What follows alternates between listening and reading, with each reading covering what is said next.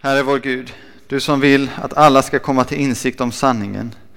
Ge oss kärlek till vad rätt är så att vi i renhet och ödmjukhet tjänar din vilja. Genom din son Jesus Kristus, vår Herre. Amen. Hör Herrens ord ifrån Amos boks femte kapitel. Så säger Herren. Jag hatar era fester, jag föraktar dem. Jag tål inte era högtider. Ty om ni än offrar åt mig både brännoffer och matoffer finner jag ingen glädje i dem. Era gemenskapsoffer av gödda kalvar vill jag inte se. Ta bort från mig dina sångers buller. Ditt stränga spel vill jag inte höra. Låt rätten flöda fram som vatten och rättfärdigheten som en ständigt rinnande ström. Hör också Herrens ord ifrån Romarbrevets sjunde kapitel som också är denna söndags predikotext. Vi vet att lagen är andlig, men själv är jag kötslig, såld till slav under synden. Ty jag kan inte fatta att jag handlar som jag gör. Det jag vill, det gör jag inte, men det jag hatar, det gör jag. Om jag nu gör det jag inte vill samtycker jag till lagen och säger att den är god. Men då är det inte längre jag som gör det, utan synden som bor i mig. Ty jag vet att i mig, det vill säga i mitt kött, bor inte något gott. Viljan finns hos mig, men att göra det goda förmår jag inte. Ja, det goda som jag vill gör jag inte, men det onda som jag inte vill, det gör jag. Men om jag gör det jag inte vill, då är det inte längre jag som gör det, utan synden som bor i mig. Jag finner alltså den lagen. Jag vill göra det goda, men det onda finns hos mig. Till min inre människa glädjer jag mig över Guds lag, men i mina lemmar ser jag en annan lag som ligger i strid med lagen i mitt sinne och som gör mig till fånge under syndens lag i mina lemmar. Jag arma människa, vem ska frälsa mig från denna dödens kropp? Gud var det tack, Jesus Kristus vår Herre. Alltså känner jag själv med mitt sinne Guds lag, men med köttet känner jag syndens lag. Så lyder Herrens ord. Gud, vi tackar dig. Upplyft era hjärtan till Gud och hör dagens heliga evangelium. Så skriver evangelisten Matteus i sitt 21 kapitel. Jesus sade till översteprästerna och folkets äldste. Vad anser ni om detta? En man hade två söner. Han gick till den första och sade, min son, gå idag och arbeta i min vingård. Jag vill inte, svarade han, men ångrade sig sedan och gick. Mannen vände sig då till den andra och sade samma sak. Han svarade, ja, herre, men han gick inte. Vilken av de båda gjorde som fadern ville? De svarade, den förste. Jesus sade till dem, amen säger jag er, publikaner och horor ska gå in i Guds rike, men inte ni. I Faderns, Sonens och den helige Andes namn. Amen. Nåd vare med er och frid från Gud vår Fader och Herren Jesus Kristus. Låt oss be. Herre, vi tackar dig för nåden att få komma hit, att få höra ditt ord. Tack Herre att du med din Ande denna stund kan öppna ordet för oss så att det får bli ett personligt tilltal. Tack Jesus att du vill säga någonting till var och en. Var med oss den här stunden Herre.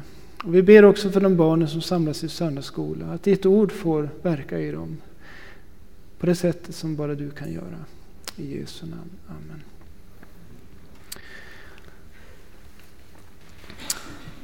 Som eh, Niklas nämnde så är det Romarbrevet kapitel 7 som är predikotexten. Ni hörde den för en stund sedan och den börjar med orden Vi vet att lagen är andlig men själv är jag kötslig, såld till slav under synden. Denna text ifrån Romarbrevet beskriver en fruktansvärd kamp.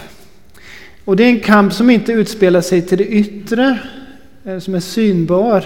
Eh, utan framförallt så är det en kamp i människors hjärtan som utspelar sig. Har du en erfarenhet av vad som här står? Känner du igen dig på något sätt?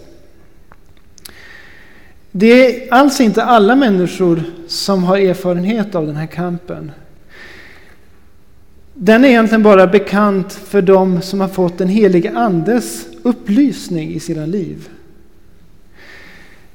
Om vad Gud kräver i sin lag och som fått se någonting av vad som rör sig i hjärtat. Och det är lätt när vi läser en sån här text att tänka att det där kan ju inte gälla mig. För jag har ju tagit emot Jesus och nu tror jag på honom. Eh, det där måste gälla de som så att säga strävar under lagen. Eh, just den saken ska vi se närmare på i den här predikan tänkte jag. Och jag vill då gå igenom texten steg för steg och så ska vi stanna upp då inför några uttryckssätt som förekommer i den här texten. Och det första uttryckssättet är lagen är andlig. Lagen är andlig. Den som skrivit Romarbrevet är ju Paulus, aposteln Paulus. Och han har ju på ett underbart sätt förklarat evangeliet för oss, inte minst just genom Romarbrevet. Men han hade ett förflutet som farisé, som en renlärig jude och han gick då så långt i sin övertygelse och i sin renlärighet att han gick verkligen in för att förfölja de kristna och för att utrota läran om Jesus. Helt övertygad om att han hade rätt begav han sig en dag till Damaskus. Han andades då mord och hot mot Herrens lärjungar. Och det kan vi läsa om i Apostlagärningarna kapitel 9. Syftet med resan var att leta rätt på kristna män eller kvinnor som hade samlats där i Damaskus för att sätta dem i fängelse. Och han hade med sig någon form av fullmakt för att kunna göra på det sättet. Men så hände det plötsligt någonting. Det strålade ett ljus från himmelen över, över honom, omkring honom. Han blev helt bländad, blind. Och så kom det en röst. Saul, Saul, varför förföljer du mig? Han frågade, vem är du Herre? Och rösten svarade, jag är Jesus, den som du förföljer. Och ni känner kanske till fortsättningen, hur det här ledde till att Saul han blev en helt annan människa. Hur han fick namnet Paulus och hur han istället började predika evangeliet och till och med bevisa för åhörarna att Jesus är den utlovade, att han är Kristus, Guds son. Paulus han blev omvänd genom det som hände där på vägen till Damaskus. Han blev född på nytt i mötet med Jesus och det, det ljuset som kom. Ja, Paulus han hade ju tidigt i livet gått in för att leva noga efter Guds lag. Men det var först efter sin omvändelse som han fick se att lagen är andlig. Nog hade han trott sig gå Guds ärende när han förföljde de kristna. Och nog tänkte han sig i allra högsta grad att han följde Guds lag i sitt liv. Men efter sin omvändelse så ser han tillbaka på denna period i sitt liv och säger en gång levde jag utan lag, men när budordet kom fick synden liv och jag dog. Så står det tidigare i samma kapitel, Romarbrevet 7. Utan lag, ja det var sanningen om Paulus före han mötte Jesus på vägen till Damaskus. Och det är sanningen också om dig om du inte har mött Jesus personligen och tagit emot förlåtelsen och nåden av honom i ditt liv. För om du så att säga kan leva dag efter dag i en synd som är emot Guds ord utan att, så att säga, det blir ett större problem för dig. Då, då, är det väldigt, då är du i en farlig situation. Och då behöver du vända om. Vare sig du är ung eller äldre. och Du behöver bli född på nytt som Bibeln säger. Det, det, det är Bibelns lära till, till oss alla. Alltså, när Jesus lyser in med sitt ljus i våra liv, då gör han det för att uppenbara hur Gud är. Och för att visa att lagen, det är, det är inte bara någonting vi liksom gör till det yttre, vissa rätta saker. Utan det är någonting mycket, mycket mer djupgående. Och Jesus vill inte att du ska trivas i din synd. Utan han han vill att du ska bekänna synden, precis säga som det är. Och, och, det talar han genom gudstjänsten, genom det Niklas har predikat och genom den text vi har läst på olika sätt. Men nu kommer vi till det lite märkliga i vår text och det som är ganska tungt att ta in. Och det är att när Jesus lyst på dig med sitt ljus och så har du fått bekänna för honom som det är. Då började en kamp. Då började en kamp. Och det var värre, den här kampen den fortsatte sen genom Genom det, så länge du är kvar hos Jesus så fortsätter den kampen. Och det är en kamp timme för timme, månad för månad, år för år. En kamp som pågår 24-7, som min son brukar säga. Har du någon gång kanske varit ute i trädgården och så har du lyft på en, en betongplatta och sen såg du, oj, det var fullt med myror där under. Eh, och massa myrägg. Det springer runt liksom överallt på en massa kanaler och sådär. Och så släpper du tillbaka den här betongplattan. Usch, det där vill jag inte titta på. De kryper ju vidare där under givetvis. Och de blir bara fler när de här äggen läggs. Vi kan naturligtvis välja att inte titta på det, men de finns ju där ändå. Och på samma sätt så pågår det hela tiden en kamp i våra liv.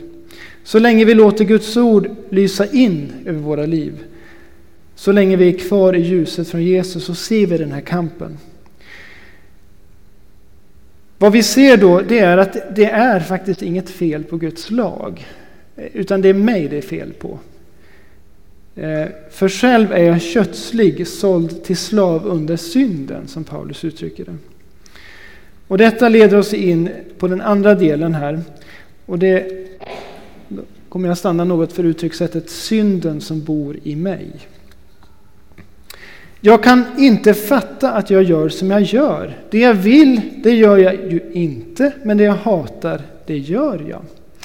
Har du det förtvivlade på något sätt i detta utrop? Och det är ett rop som kommer sig av att ljuset har lyst in i hjärtat. Lamporna är tända, smutsen är avslöjad. Det går inte att dölja. Det jag vill, det gör jag inte, men det, det jag hatar, det gör jag. Ja, så här kan faktiskt bara en kristen säga. För en människa som lever i sin synd, som inte är omvänd, skulle med mer eller mindre stolthet istället säga det jag vill, det gör jag och det jag hatar, det gör jag inte. Det är liksom det logiska på något sätt. Och det, det är jag rätt så stolt över. Jag, jag avstår från det jag hatar. Men en omvänd människa stämmer in i orden av Paulus. Det jag vill, det gör jag inte. Men det jag hatar, det gör jag. Jag vill leva efter Guds vilja med mitt liv. Vill inte ha några andra gudar än Bibelns Gud. Men istället ställer jag mitt hopp till min förmåga. Eller kanske till andra människor. Jag är kanske styrd av människofruktan i mitt liv. Eller fruktar det som hedningarna fruktar. Ställer hela mitt hopp till vad människor kan åstadkomma. Kanske när det gäller att vända den globala uppvärmningen. Kanske i hur jag prioriterar och använder mina pengar. Eller vad jag på olika sätt sätter mitt hopp till i olika avseenden. Och här måste jag, när jag ser sant på mig själv, konstatera jag sätter inte all min tro och lit till Herren. Men när jag nu blir genomskådad av Guds ljus, av Guds lag, är det då verkligen någon skillnad egentligen mellan mig och en människa som inte har lärt känna Jesus? Så kan vi fundera. Jo, det är en väldig skillnad. Och här har vi förklaringen av Paulus. När jag nu märker att jag gör emot Gud, och det vill jag ju inte, då är det inte längre jag som gör det, utan synden som bor i mig. Synden som bor i mig och synden som bor i dig. Paulus fortsätter, jag vet att det inte bor något gott i mig, det vill säga i mitt kött. Och det är ju väldigt starka ord. Om vi liksom tänker på det, inte något gott. Eh, är inte det att sänka liksom människan långt under vad Gud hade tänkt? Och säga att det inte bor något gott. Eh, men förklaringen ligger då i, i orden, det vill säga i mitt kött. Där borde inte någonting gott. För en kristen har två naturer. Och det här tycker jag är så befriande att liksom få ljus över. Och det ena är köttet och den naturliga människan. Och den, den förenar egentligen varenda människa här på jorden. Och den har utmärkt oss människor sedan syndafallet. Så har vi något som i Bibeln kallas för anden eller den nya människan. Den natur som Gud planterat i var och en som tror och det är den pånyttfödda människan. När du föddes på nytt, när du blev omvänd, då fick du en ny vilja, en vilja att följa Jesus. Och från den stunden upphörde du att vara enbart kötslig och blev istället andlig. Men du är dessutom också kötslig eftersom du har denna natur. Kanske du hör till de lyckliga som har levt kvar i dopets nåd och som ännu lever kvar i dopets nåd. Nu finns den goda viljan där. Men många problem kvarstår. Viljan finns hos mig men inte förmågan att göra det goda. Det goda som jag vill gör jag inte, men det onda som jag inte vill, det gör jag. Och det här betyder ju nu inte att Paulus inte överhuvudtaget gjorde något gott. Att han hade så att säga en helt död vilja. Nej, men han, istället så betyder det att den goda viljan den fullbordades inte i en handling som motsvarade denna vilja. Hade han kunnat göra Guds vilja fullt ut, ja då hade han ju varit alldeles ren. Den goda viljan fanns där och de goda ansatserna, men det hela förverkligades inte så som han hade tänkt sig. Känner du igen det här? Jag tror, åtminstone jag, känner igen det. Du vet att Gud i det åttonde budet förbjuder dig att bära falskt vittnesbörd mot din nästa. Ändå händer det gång på gång att ett nedlåtande ord om en annan människa slinker ur dig. Du får bekänna och ta emot förlåtelsen för detta. Men så händer det igen. Det händer gång efter gång.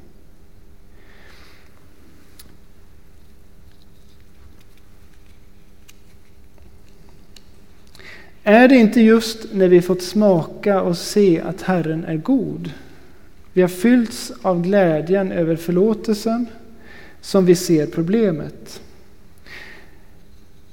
Ja, det är nåden som väcker ett hungrande och ett törstande efter rättfärdighet. Efter ett liv som är helt i överensstämmelse med Guds vilja.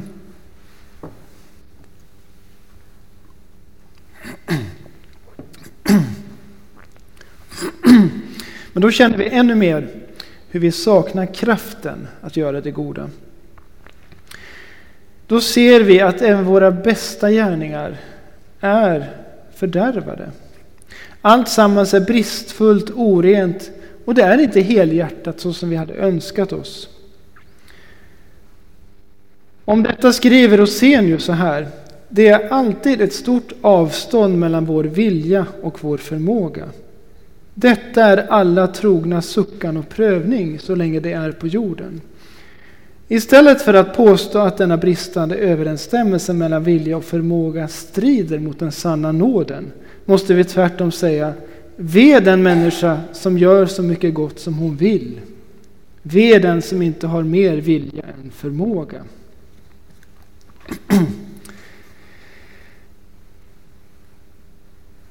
Men om jag nu inte gör det jag vill, fortsätter Paulus, då är det inte längre jag som gör det utan synden som bor i mig. Ja, hur ofta måste vi inte konstatera detta? Synden bor i mig. Och hur ofta är det inte så att vi skulle önska oss en total befrielse från allt det här? Paulus han, han plågades på något sätt av en svår synd. Det talas om det här i Korinthierbrevet. Och han, han kallar det en tagg i köttet. Vi vet inte riktigt vad det var, men han beskriver det som en ängel från Satan som slog honom så att han inte skulle förhäva sig. Tre gånger har jag bett Herren att den ska lämna mig, skriver han i Andra Korinthierbrevet 12. Men han svarade mig, min nåd är nog för dig, för min kraft fullkomnas i svaghet. Så fick han lära känna Guds kraft genom sin egen svaghet. Och att det var i själva verket när han var svag som han var stark. Det låter motsägelsefullt. Men inte ens i detta tillstånd så kunde han göra så mycket så gott som lagen kräver, som den andliga lagen krävde. Och så är det att leva i ljuset. Vi får erkänna att synden bor i mig. Vi får se sant om oss själva. Det står där i vers 20 av Paulus. Om jag gör det jag inte vill, då är det inte längre jag som gör det, utan synden som bor i mig.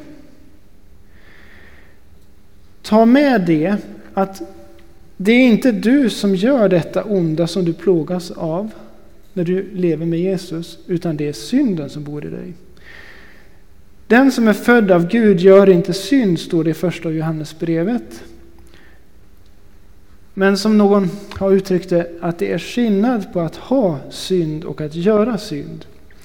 Synden har du till följd av köttet som finns kvar i dig. Men som kristen kan du inte leva kvar i synden. Det är synden i din gamla natur som åstadkommer detta som du ser. Eh, men när du faller så lever du ändå i nåden. Och när du känner synden i ditt liv, trots att du har egentligen en lust till Guds lag, då ska du veta att då är du en helig människa. Ja, då får du lyfta ditt huvud och känna en stolthet som ett Guds barn. Våga ta till dig det. Och Det är inte din egen vilja som kristen som ligger bakom det här onda som kommer, utan det är syndens makt som finns kvar i dig i ditt kött. Och det får vi dras med under livet. Så kanske du kämpar en ojämn kamp i ditt liv. Du vill följa Jesus men får gång på gång uppleva hur du faller i frestelsen. Du är inne kanske på sidor på nätet, vad vet jag, som du inte ska vara inne på. Eller vistas i sådana sammanhang. Ja, du kan frestas också till synd gång efter gång. Ehm, jag arma människa, vem ska rädda mig från denna dödens kropp? Texten i Romarbrevet slutar med ett helt underbart löfte till dig som känner av denna kamp och denna nöd i ditt liv. Gud vare tack genom Jesus Kristus, vår Herre. Tänk, du har ett fast grundat hopp om att en gång bli helt fri från syndens lag i ditt liv. Du har fått nåd av Jesus. Hela hans rättfärdighet är din. Och Det finns inte en enda synd som kan fördöma dig så länge du blir kvar hos Jesus, din frälsare. Det är goda nyheter. Och kapitlet efter inleds med denna liksom portal. Så finns nu ingen fördömelse för den som är i Kristus Jesus. Djävulen talar fördömelsens ord in över ditt liv och han har rätt i att syndens lön är döden. Men han har inte rätt i att du är fördömd. För det är du inte när du tror på Jesus. Jesus har tagit alla dina synder på sig, också de som du just nu plågas av. Det du borde men inte kan, se det kunde, det gjorde han. Jag ska göra din vilja Gud. Han uppfyllde de tio bud. Genom Jesus har du en rättfärdighet som gäller inför Gud varje stund, 24-7. Och det är viktigt att du har klart för dig. Det är din största önskan att du skulle vara felfri och leva efter Guds vilja. Och det är en plåga när du faller i synd gång efter annan. Men du äger en ständig förlåtelse för dina synder. För så stor är Guds nåd att förlåtelsen oupphörligt förnyas över dig och in i ditt liv. När du är i Kristus Jesus så lever du i nådens tillvaro. Jesus levde ju ett felfritt liv och hade inga synder att Men lika lite som han kunde fördömas så kan du fördömas som lever i tron på honom när du är i Kristus.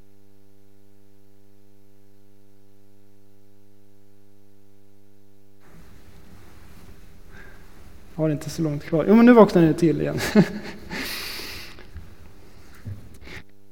Lika lite som Jesus kan fördömas så kan du fördömas som lever i tron på honom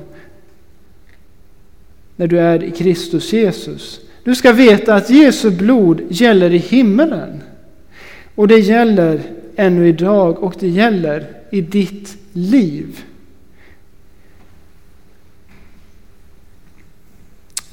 Och att Jesu blod på något sätt oupphörligt förnyas i himmelen, det betyder att också nåden i ditt liv, den förnyas hela tiden. Och det är på riktigt. Vi behöver vara vaksamma mot att falla i synd. Och låt oss inte överskatta oss i detta avseende. Vi har hela tiden syndens lag i vår kropp så länge som vi är här nere på jorden. Och vår gamla natur, våra kött, är dessvärre precis lika illa däran som hos dem som inte känner Jesus. Därför ska vi inte bli överraskade när det går upp för oss hur det ligger till med vår egen natur. Och så ska vi också tänka på att också våra medkristna, de andra här i kyrkan och eh, som vill höra Herren till, också de har kvar samma natur som vi själva lider av. Hur lätt är det inte att vi börjar förvänta oss mer av andra än av oss själva? Att vår make och maka ska kunna ge det där lilla extra som vi inte själva förmår till exempel. Att Guds folk i mycket högre utsträckning skulle kunna hålla frid med varandra och inte frestas till högmod och strid. Men när vi har fallit omkull i synden, ja då ska vi inte bli liggande kvar där. Så har inte Gud tänkt det för ett Guds barn. Sångförfattaren Anders Nilsson skriver När du har fallit i synd omkull vill Herren än för sin egen skull dig hjälpa upp och förlåtelsen den föder kärlek till frälsaren. Och istället för att gå omkring och irritera oss på våra bröder och systrars klumpigheter och brister, låt oss påminna varandra om den nåden vi gemensamt har att tillgå hos Kristus Jesus, vår Herre. Avslutningsvis, kanske är det någon av er som precis just nu kämpar en ojämn kamp mot en frestelse i livet.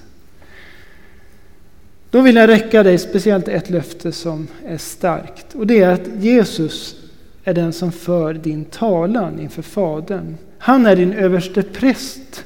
Så talas det om i Hebreerbrevet. Och det är han idag. Hebreerbrevet kapitel 4, vers 14-16. När vi nu har en stor överste präst som har stigit upp genom himlarna, Jesus Guds son, låt oss då hålla fast vid vår bekännelse. Vi har inte en överstepräst som inte kan ha medlidande med våra svagheter, utan en som har varit frestad i allt, liksom vi, fast utan synd. Låt oss därför frimodigt gå fram till nådens tron för att få barmhärtighet och finna nåd till hjälp i rätt tid. Amen. Låt oss nu gemensamt bekänna vår heliga kristna tro. Vi tror på Gud Fader allsmäktig, himmelens och jordens skapare.